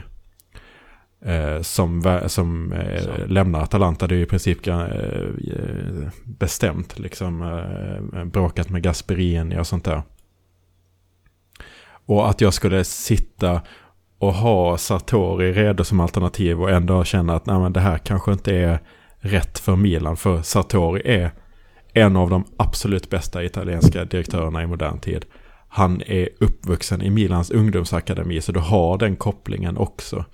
Eh, han har, alltså hans, hans track record är liksom, han var i Kiev och överpresterade där under jättelång tid. De tog sig till Champions League liksom. Från Serie B tog han dem till Champions League. Sen lämnade han. Kiev föll ihop. Finns inte ens längre som, som klubb. Eh, han gick till Atalanta 2014 tror jag det var. Eh, då hade Atalanta slutat på 17 plats. Efter det når de Champions League fyra av fem säsonger. Tre raka tredjeplatser.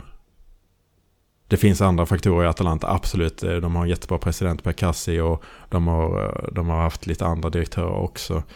Ehm, men om man bara kollar eh, ett samband så är fram, all framgång kommer när Sartori kommer dit. Percassi satt där tidigare.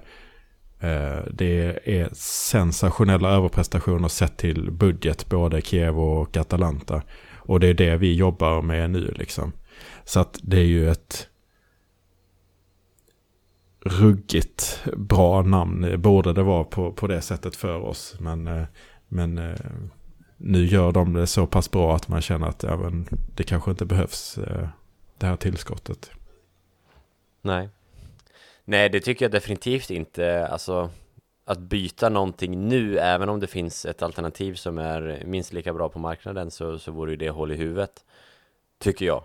Eh, Maldini och Massara har bevisat att man är bäst i Italien, man, överlägset liksom, eh, i år, eh, tycker jag. Alltså, alltså Milan, vinner, Milan vinner serien, Milan har, sa vi, femte bästa budgeten. Man har sänkt lönebudgeten extremt mycket över åren. Det är en trupp som eh, alla nyckelspelare, förutom Kessie, är spelare som de har plockat in, möjligtvis tillsammans med Boban också. Det här är Maldini och Messaras eh, scudetto-vinnande Milan. Eh, man har plockat in Piola också, visst ett andra val, men det var ändå ett val. Eh, att byta nu finns inte i min värld. Nej, jag har inte bytt man kanske kunde jobba parallellt och sånt där. Men det, det, min uppfattning har också svängt mycket för att Masara verkar så pass vass som han är. som jag inte har sett tidigare i och med att han inte har jobbat själv tidigare. Han har ju bara jobbat som andra fjol och, och, och scout och sådär. Men eh, eh, jag håller med till viss del samtidigt så eh, ja, Zlatan kom, var det någon av de här eller var det Boban? Det känns som att det var Boban som ville ha honom och, och eh, man måste också reservera sig för att Pioli bygger på ett misstag. Det är, man har haft tur i den situationen, man har haft tur i andra situationer. Magnon är ett Alltså det är sån klassvärvning så att det liknar ingenting. Eh, jag, jag sa att det var den bästa värvningen i hela fotbollseuropa. Och det hade inte blivit, alltså det är det absolut bästa utfallet för Milan. För hade, eh, det är bättre än att Naruma stannar. För han hade blivit mycket dyrare. Och Magnon är typ bättre, visst han är dyrare. Men, men att skriva ett nytt kontrakt hade kostat mycket, mycket mer än övergångssumman och lönen för Magnan. Eh, visst, då hade du kunnat förlänga och sälja. Men hade du sålt Donnarumma tidigare, då hade inte Magnan funnits tillgänglig. Han var ju där och då. Det var nu han hade presterat och sånt där. Det var bara nu. Men det betyder inte att man har gjort rätt när man har skött Donnarumma-situationen. Bara för att det här löste sig på absolut bästa möjliga sätt. Vi har ett utfall där det inte kunde bli bättre. Men det betyder inte att man gjorde rätt från början. För de kan ju omöjligen ha sett att Magnan skulle slå igenom i Lill och kommer kunna värvas billigt så då förlänger vi inte med Donnarumma. Så var det inte ens för att de gav honom ju dessutom ett eh, erbjudande. Så, och, och, så har det varit kring flera andra situationer. Alltså de har ju, eh, det är ju med alla de här som har lämnat där jag återigen Eh, och eh, det betyder inte att jag har nödvändigtvis rätt. Men man har suttit där innan säsongerna. När det är ett år kvar.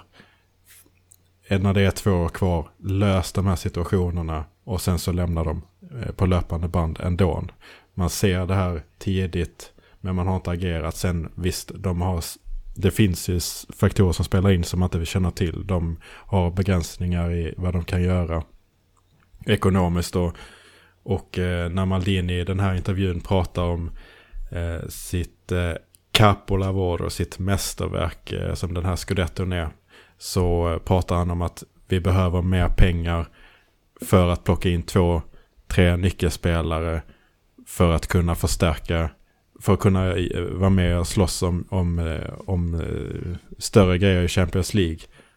Och för att konsolidera vår nuvarande trupp så att det handlar om att få in mer pengar så att man kan få spelarna att stanna. Så att de har ju ekonomiska begränsningar på sig för att förlänga.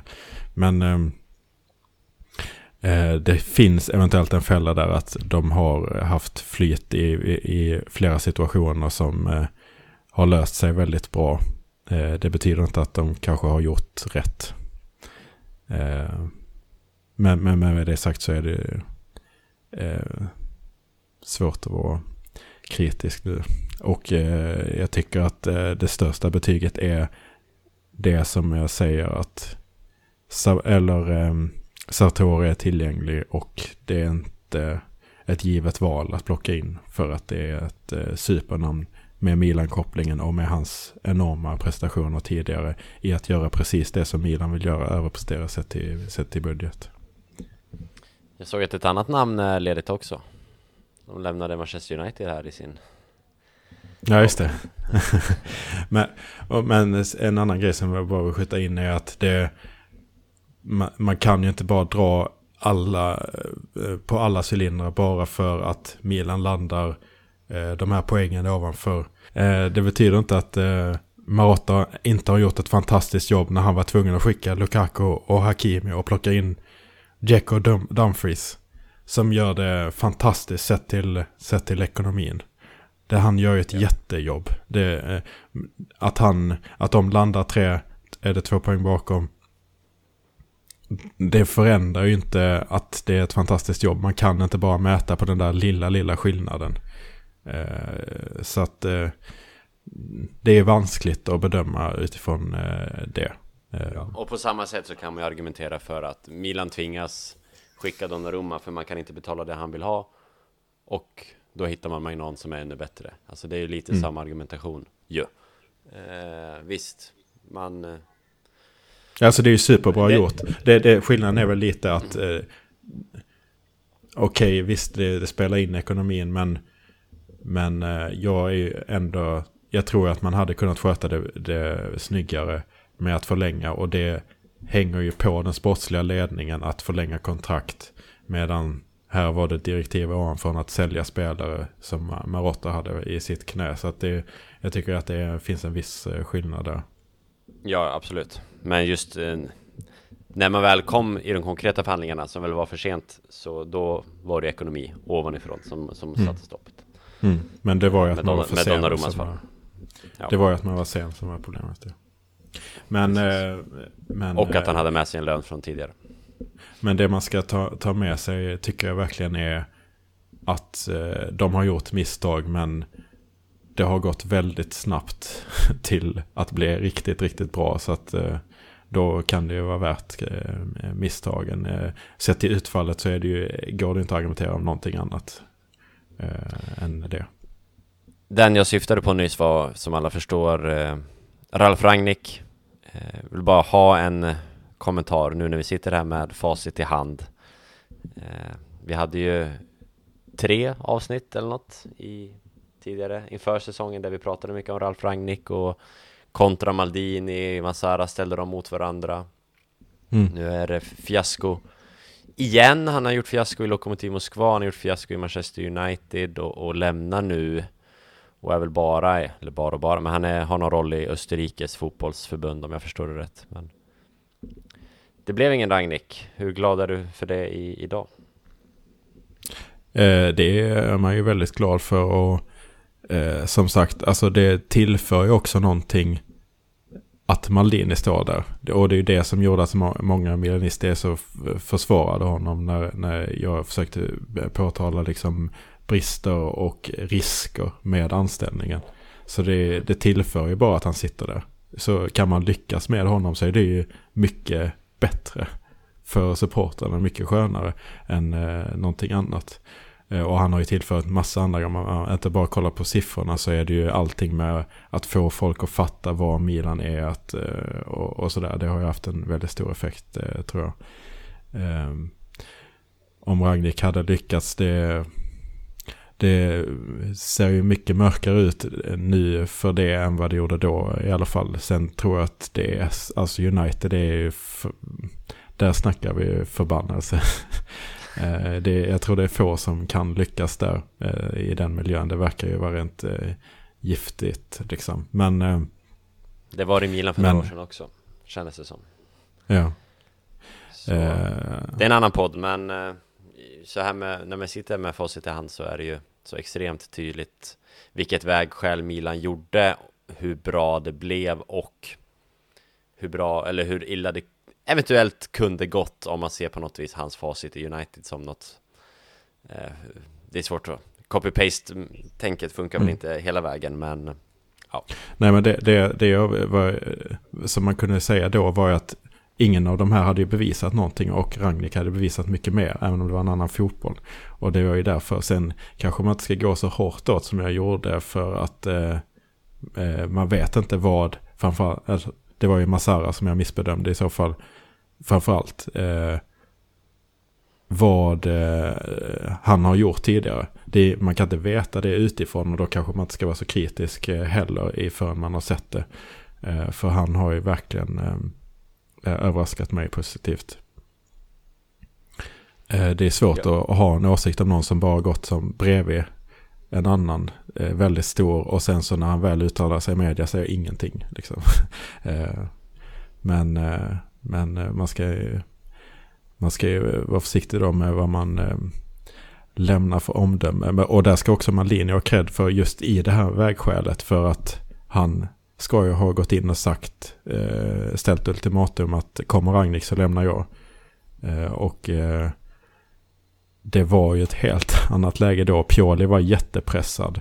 Men det, var ju, det vore ju sjukt att byta dem, eh, byta ut då på sommaren utifrån hur det såg ut sportsligt. Eh, eftersom det, man fick det här positiva utfallet, då är det ju vanvettigt att byta när, när alla spelare trivs så bra liksom och, och det sportsligt ser ut att gå på helt rätt håll. Då, då är det klart man inte ska byta.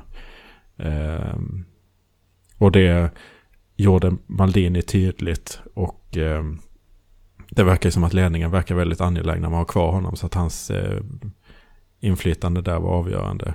Eh, så det, det är många, många segrar och många väldigt vassa prestationer från spelare, från, eh, support, från supportrar, från eh, tränare, från ledning eh, som har gjort det här eh, möjligt.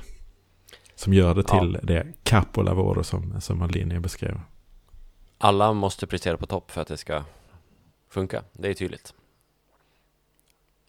Eh, med det så är det väl kanske dags att runda av det här del två i ett säsongssummerande avsnitt. Eh, jag vill bara avsluta med att i all korthet bara nämna Ivan Gazidis också som en eh, person som kom från Arsenal, extremt bespottad, har jobbat mer i det tysta i Milan, var ute i en intervju här i dagarna och berättade att han faktiskt, enligt han själv i alla fall, har en sportslig kompetens som folk ofta glömt bort. Och det har man väl delvis gjort i Milan. Frågan är hur mycket han haft med det att göra, men han har i alla fall eh, kunnat se och ge förtroende till, till Maldini Massara och kompani. Eh, för det var väl han i slutändan som var styrande i det. Sen kan man ifrågasätta varför han då och kompani inte har förlängt med, med Maldini, men det, det tar vi senare. Men Gazidis och med hans cancersjukdom, hur han kom närmare fansen, hur han har lärt sig italienska, hur han han säger väldigt många rätt saker och det var en bra intervju, delar av den i alla fall, som han gav ut häromdagen. Finns översatt på Twitter, Fotboll Italia och så vidare. Så Gazidis har också en del i det här och eh, jag har fått revidera min syn på honom, som jag enbart tidigare, innan han kom, baserades på Arsenal-fans åsikter. Mm. Och se vad Arsenal är nu. alltså, precis, precis. Eh, det, äh, det är spännande. Jag, jag, fick en fråga om eh, Champions League. Vill, eh, eh, om våra möjligheter i Champions League nästa säsong. Vill du ta det nu eller ska vi ta det? Vi kan väl bara konstatera att Milan i och med vinsten är första sidade till skillnad från fjol där man var fjärde sidat. Eh, så uh, gruppen bör ju bli lättare än vad den var i fjol. Jag har väldigt svårt att se att den ska bli svårare.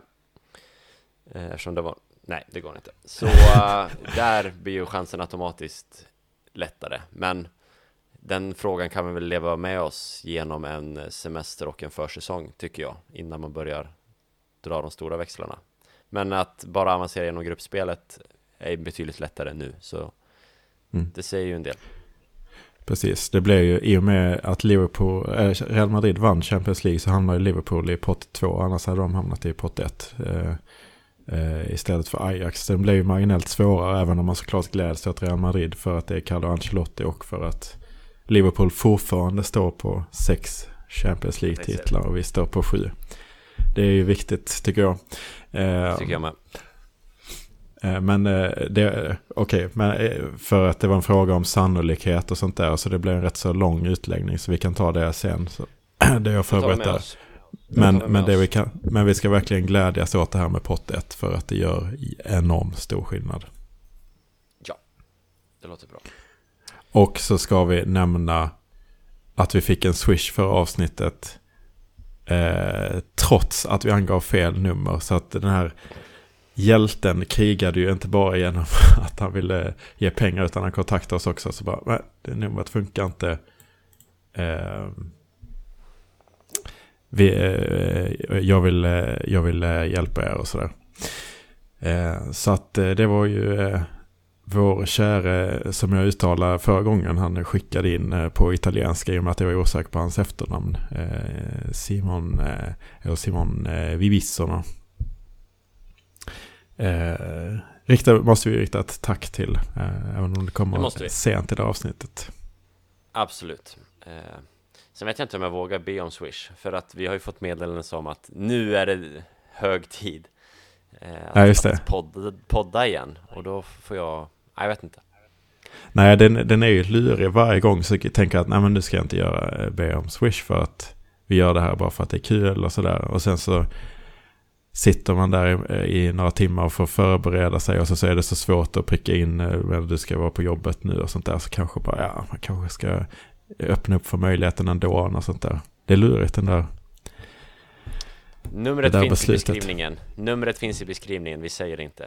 Eh, och att det är helt valfrivilligt. Att swisha innebär inte att vi kommer podda oftare.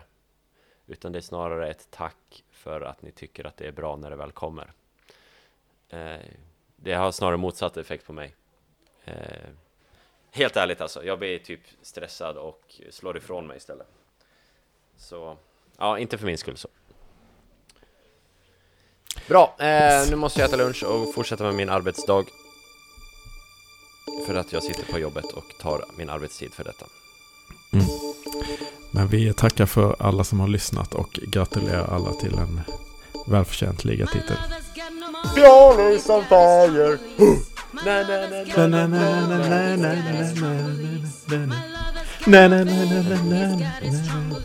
Adjö. Ja, det är fint. Ciao.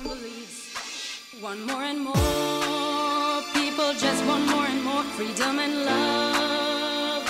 What he's looking for. One more and more people just want more and more freedom and love. What he's looking for. Freed from desire, mind and